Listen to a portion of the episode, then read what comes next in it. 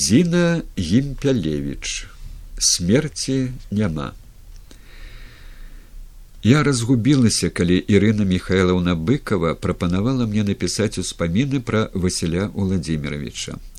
Адразу перасеклася некалькі думак у галаве, і самае першае, самае нервовае была тая, што факт яго фізічнай смерці ў мяне ўжываецца з пачуццём, што яго смерці не было.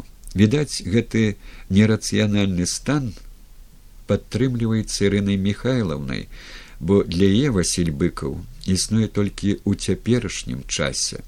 Магчыма, нават многія з тых, каму пашчасціла сустрэць гэтага чалавека, які стаў класікам пры жыцці, перажываюць падобны звышнатуральны стан, калі думаюць пра яго. Маё знаёмства з быкавым пачалося як ва ўсіх з яго кніг, у якіх ён вяртае голас і сцвярджае існаванне мільёнаў сваіх сучаснікаў салдатаў часта безыменных што ляжаць у брацкіх магілах па ўсёй еўропе. Мне асабіста яго кнігі шмат што растлумачылі ў характары майго бацькі якова гімпялевіча які прайшоў другую сусветную вайну ад яго роднай заходняй беларусі да берліна Нягледзячы на тое, што бацька, як і быкаў, належаў да трох процентаў шчасліўцаў, якія вярнуліся з вайны, раны і ваенныя нягоды не далі яму дажыць да пяцідзесяці двух гадоў. Бацька добры і памяркоўны чалавек ніколі не расказваў пра свае ваенныя гады і на роспыты адказваў заўсёды адно і тое ж вырасцеш тады пагаворым. Пакуль ён жыў да нас часта прыязджаў на пашарпанай трохтонцы дядька коля татаў ардынарац які пасля вайны працаваў шафёрам у калгасе. Маме гэтыя візіты не падабаліся відаць таму што тата і дядька коля зачыняліся ў хлеўчыку з чым бог паслаў і выходзілі позна на добрым падпітку. А я малым дзіцём згараючы ад цікаўнасці заўсёды круцілася непадалёк спрабуючы зразумець пра што яны гавораць. Толькі праз гады дзякуючы кнігам быкова пра вайну я зразумела пра што магла ісці гаворка у нашым хлеўчыку. Менавіта быкаў зразумеў і выказаў слова свайго пакалення і за жывых і за мёртвых.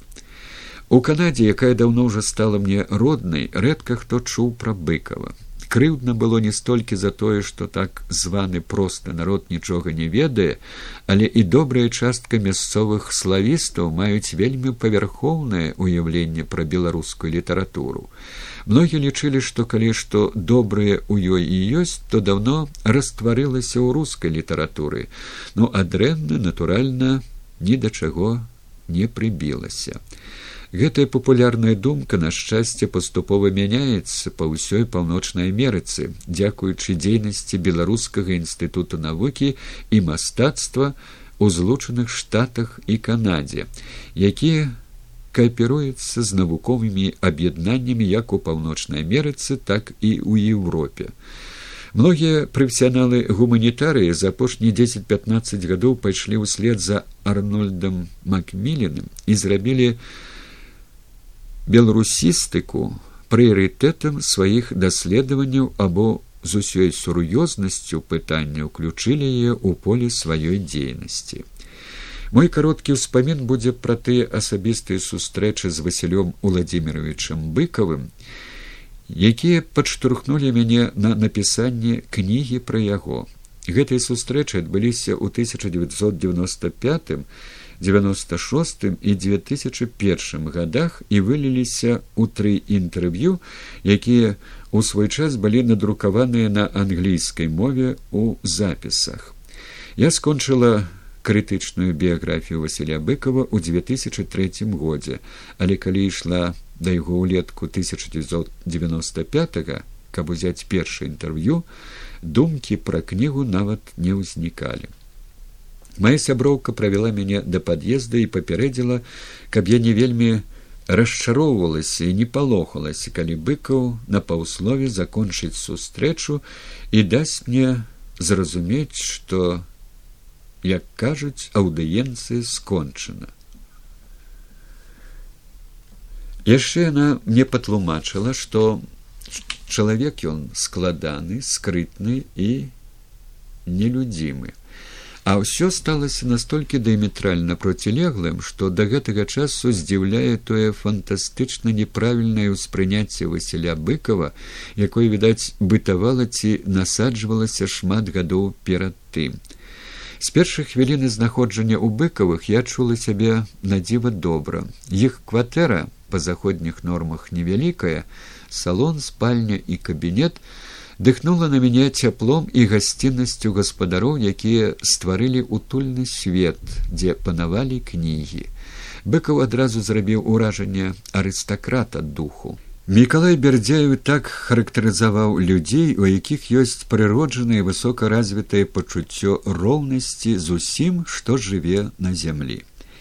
Ірына михайловна знешне процілегласць мужу цемнавалосая жанчына якая нагадвае падлетка і вострым розумам і цікаўнасцю і хуткімі рухамі. Была яму годнай парай. Акінуўшы мяне хуткім пранізлівым позіркам і напомніўшы мужу што ў яго праз гадзіну інтэрв'ю журналісткай з фінляндыі яна паставіла перад намі гарбату і зайшла зноў толькі з прыходам фінскай журналісткі гадзіна як мне здалося працягвалася толькі шестьдесят секунд. У мяне было столькі пытанняў і пісьменнік адказваў на іх экспромтам але так дакладна і глыбока быццам пытанні мае былі у яго на стале по крайней меры з тыдзень. Першае пытанне памятаю было такое. Василий владимирович что по вашаму беларускасць? Адказ паліўся сходу што ж калі дазволена будзе іранічная нотка то паняцце беларускасць уяўляе сабой якраз тое за што беларусы беспаспяхова змагаюцца на працягу апошніх стагоддзяў. А калі сур'ёзна то першаступенны і галоўны складнік паняцця беларускасці дзяржаўнасць наша гісторыя навучыла нас што нацыянальная ідэя ці тое што вы называеце беларускасцю не можа ажыццявецца без суверэннай і незалежнай дзяржавы. На вялікі жаль, не ўсе беларусы разумеюць сітуацыю такім чынам. У цэлым наша нацыя на няшчасце мяркуе, што ёсць магчымасць дасягнуць нацыянальнага адзінства і ажыццявіць патрыятычныя ідэі у рамках залежнасці і без дэмакратыі. Такі падыход зноў жа, як пацвердзіў гістарычны вопыт, зусім неправамоцны. Гэта як біблейскае бясплоднае дрэва Ён пастаянна прыводзіць да фіяска ўсе нацыянальна-патрыятычныя ідэі. Тут я маю на ўвазе ранняе традыцыйнае залежнае існаванне беларусі. Другое пытанне было крыху незвычайнага, як пасля павярнула жыццё ледзь не правідэнцыяльнага характару, калі можна ўжыць такую фігурацыю мовы. Дзесьці за год да сустрэчы з быкавым я прачытала летнія медытацыі вацлава гавала і мне ахопленай вялікім уражаннем ад дакументальнага аповеду было вельмі цікава ведаць думку василя владимировича пра гэтага драматурга пісьменніка дысідэнта і дзяржаўнага дзеяча Празорлівасць жа пытання праявілася пазней у тым, што праз шмат гадоў адным з апошніх актаў гавала ў якасці кіраўніка дэмакратычнай чэхі было запрашэнне сабрата папяру з беларусі прыехаць працаваць у прагу. Але тады у 1995 былі яшчэ вялікія спадзяванні, што дэмакратыя, якая усталявалася ў чэхіі, знойдзе дарогу і ў Беларусь быкаў захапіўшыся размовай пра лёс мастака дысідэнта які ўзначалі ў дэмакратычную дзяржаву адразу ж назваў прычыну чаму падобная з'ява немагчымая ў беларусі і як заўсёды рэалі былі асновай яго вывадаў быкаў сказаў што беларусь у адрозненне ад чэхіі ніколі не ведала дэмакратыі. Услед за гэтым інтэрв'ю ўвайшло у рэчышча размова пра літаратуру але нават тут усё было непарыўна звязана з нацыянальна-патрыятычнымі пытаннямі якія хвалявалі мяне ў сувязі з тым што на захадзе ў той час панаваў міф быццам быкаў нібыта піша па-руску хацелася запісаць менавіта па-англійску яго катэгарычнае сцверджанне што усе без выключэння яго мастацкія творы у адрозненні ад некаторых публічных выступленняў і інтэрв'ю для расійскай аўдыторыі напісаны народнай беларускай. І на пытанне што ж робіць быкава беларускім пісьменнікам бо гэта несумненна штосьці большае чым здольнасць пісаць народнай мове ён адказаў наступнае справа ў тым што нацыянальная прыналежнасць заўсёды нясе элемент спантаннасці які знаходзіцца ў генах у кожнага. У першую чаргу вельмі важным з'яўляецца месца нараджэння потым вядома таксама важная культура. Для мяне ўсё было беларускім. Месца нараджэння культура і агульная адукацыя. У час вайны калі беларусь была под акупацыяй мяне ў першую чаргу цікавілі навіны з радзімы простыя рэчы такія як дзіцячыя сны весткі з мінулага адно са звёнаў што звязваюць нас з роднай стараной. На працягу пятнаццаці гадоў калі я жыў у длічыні ад беларусі мова быццам пакінула мяне У гэтыя гады я не карыстаўся роднай мовай проста таму, што яна адсутнічала ў маім атачэнні. У той час у мяне не было і доступу да беларускай літаратуры. Ведаеце, я на працягу пяці гадоў служыў на далёкім усходзе, на сахаліне і на курыльскіх астравах. Адкуль там было ўзяцца беларускай літаратуры. Тым не меней, Усё гэта жыло ўва мне і таму, калі я вярнуўся ў Беларусь, мова імгненна вярнулася яна проста і натуральна ў мяне аднавілася.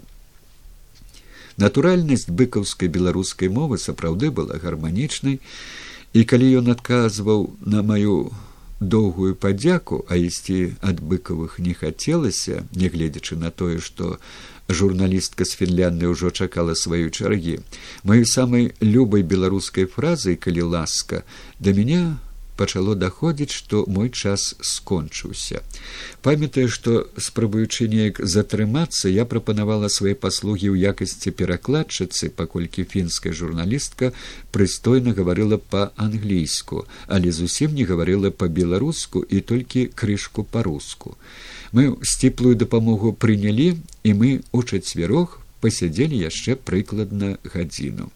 Калі настаў час развітвацца, я раптам убачыла, што ў быкавых аднолькавая усмешка, якая імгненна асвятляе і амалоджвае гэтых людзей, якія нечакана сталі дарагімі мне. Я полюбіла гэтую пару, прывязалася да іх сямейным пачуццём і ў наступным годзе бегла да знаёмага дома быццам да наседжанага гнязда. Гэтае пачуццё не ашукала. Позняй восенню 1996 у цёмным дажджлівым і холодным мінску яны абое прынялі на сябе мой боль за маму, што памірала ў канадзе і сястру, якая даглядала яе за мужа дзяцей і свёкра і іншыя беды, якія здараюцца ў жыцці кожнага. Гаворка, якая планавалася як літаратурная, часта збівалася на палітычныя падзеі ў Беларусі, якія у параўнанні з мінулым годам пакідалі мала спадзеву на умацаванне дэмакратыі ў краіне. Тым не менш гаворцы пра літаратуру было дадзена найболей увагі. Хочацца падзяліцца аўтарскім адказам на пытанне пра яго працу як перакладчыка. Гэта такая цяжкая праца, асабліва ў маім выпадку, таму што ў апошні час я сам перакладаю на рускую мову свае рэчы. Мне здаецца лягчэй перакладаць з французскай на рускую, чым з беларускай на рускую. Яшчэ Бонін даўно-даўно заўважыў гэтую з'яву, калі пісаў, што добры пераклад на роднасныя мовы практычна немагчымы. Ніводзін перакладчык не ў стане дасягнуць эфекту арыгінала. Пры перакладзе маіх уласных прац я таксама не магу дасягнуць дакладнага значэння проста таму, што не ведаю мову так, як ёю валодаю рускі пісьменнік, але мая сітуацыя не зусім звычайная. Я аўтар арыгінала і я вольны мяняць рэчы у той час, як перакладчык пазбаўлены падобнай прывілеі. Калі планавалася інтэрв'ю, я задумала фундаментальны артыкул, у якім збіралася правесці паранаўчы аналіз творчасці Васіля быкова і Адама Міцкевіча. Артыкул давно апублікаваны ў Канадзе, але дзякуючы быкаву, які своечасова вярнуў мяне да розуму, тактоўна навёўшы на думку, што я, як кажуць, апельсіны з яблыкамі не параўноўваюць. Гэтая праца стала аналітычным аглядам яго творчасці. У час другога інтэрв'ю Васіль Уладзімирович даў фармулёўку свайму ўласнаму мастацкаму напрамку, вызначыўшы яго як чыста рэалістычны, што само па сабе зрабіла немагчымым любое параўнанне з міцкевіча. Аднак, нягледзячы на тое, што ён поўнасцю адвергнуў ідэю рамантызму, калі гаворка зайшла пра беларускую дэмакратычную дзяржаўнасць, думкі пра якую ніколі не пакідалі пісьменніка, быкаў назваў тры гістарычныя перыяды: вялікае літоўскае княства, і два кароткія у 1991 і 60 гадоў перад гэтым раннія 1920 гады. У гэтыя адрэзкі гістарычнага часу па быкаву беларускія нацыянальна-патрыятычныя ідэі набліжаліся па форме да рамантычнага канцэпту адама міцкевіча і вядома у гэтых адносінах сэрца пісьменніка балела з прычыны неразумення народам асновы беларускасці роднай мовы і культуры а таксама неабходнасці незалежнай дэмакратычнай дзяржавы быкаў тлумачыў мне што на ягоную думку гэтая традыцыя знікла разам з паняццем нацыі ў сувязі са знішчэннем сялянства ў двадцатым стагоддзі якое прынесла рэвалюцыі войны і таталітарызм.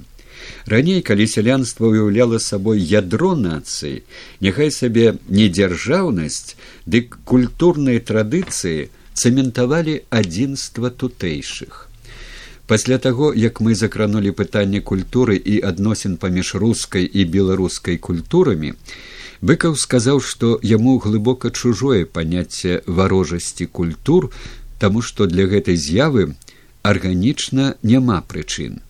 Узаемаўплыў натуральны працэс і калі варожасць не насаджаецца вышэйшай іерархіі любога кшталту рэлігійнага ці бюракратычнага гэты працэс узбагачае культуру ў цэлым.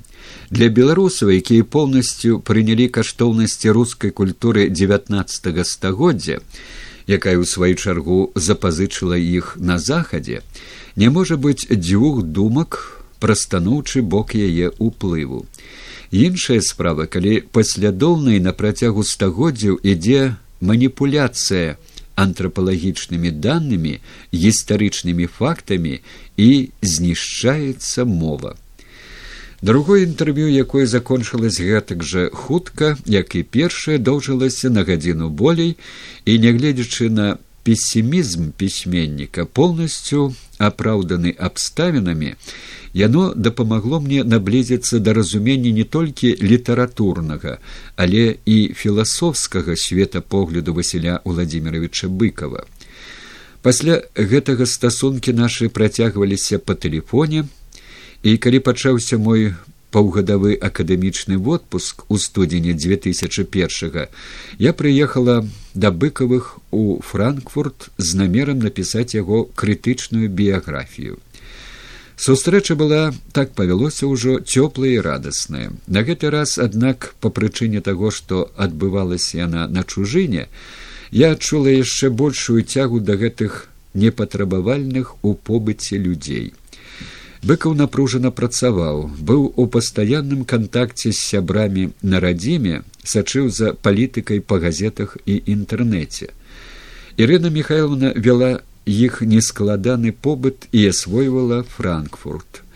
Тут як я зразумела апрача яе прыроднай цікаўнасці была і тактыка садзейнічаць мужу ў працы Яна пакідала яго ў невялічкай кватэрцы, якая пасля сняданку ператваралася ў яго кабінет і прыходзіла а першай гадзіне пакарміць яго.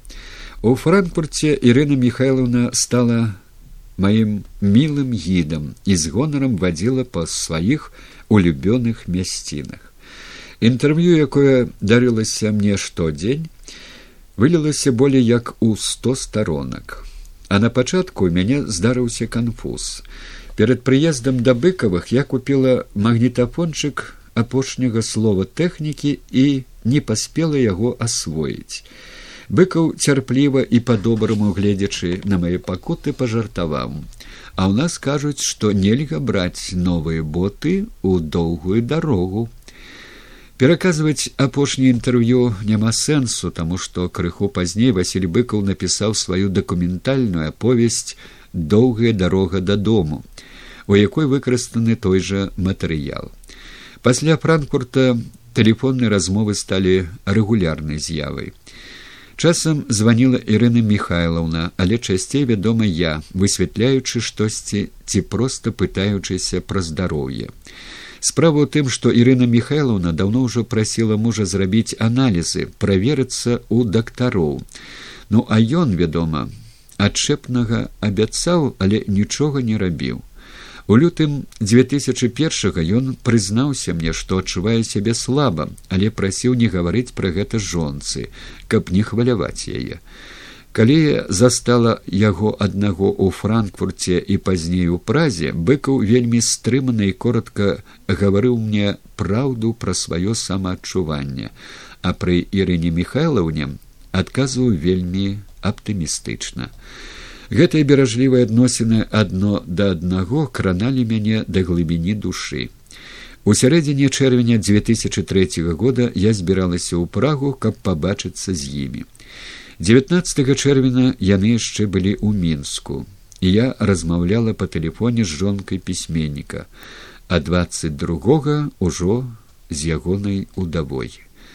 Трапіць на пахаванне быкова не дазволіла валакіта з візай, і прыехала я толькі на сорокавы дзень, які адзначаўся ў доме літаратара тымі, хто памятаў яго, апомнілі яго вельмі многія і помняць і будуць помніць, як і я. Горад Ватерлоа, Канада.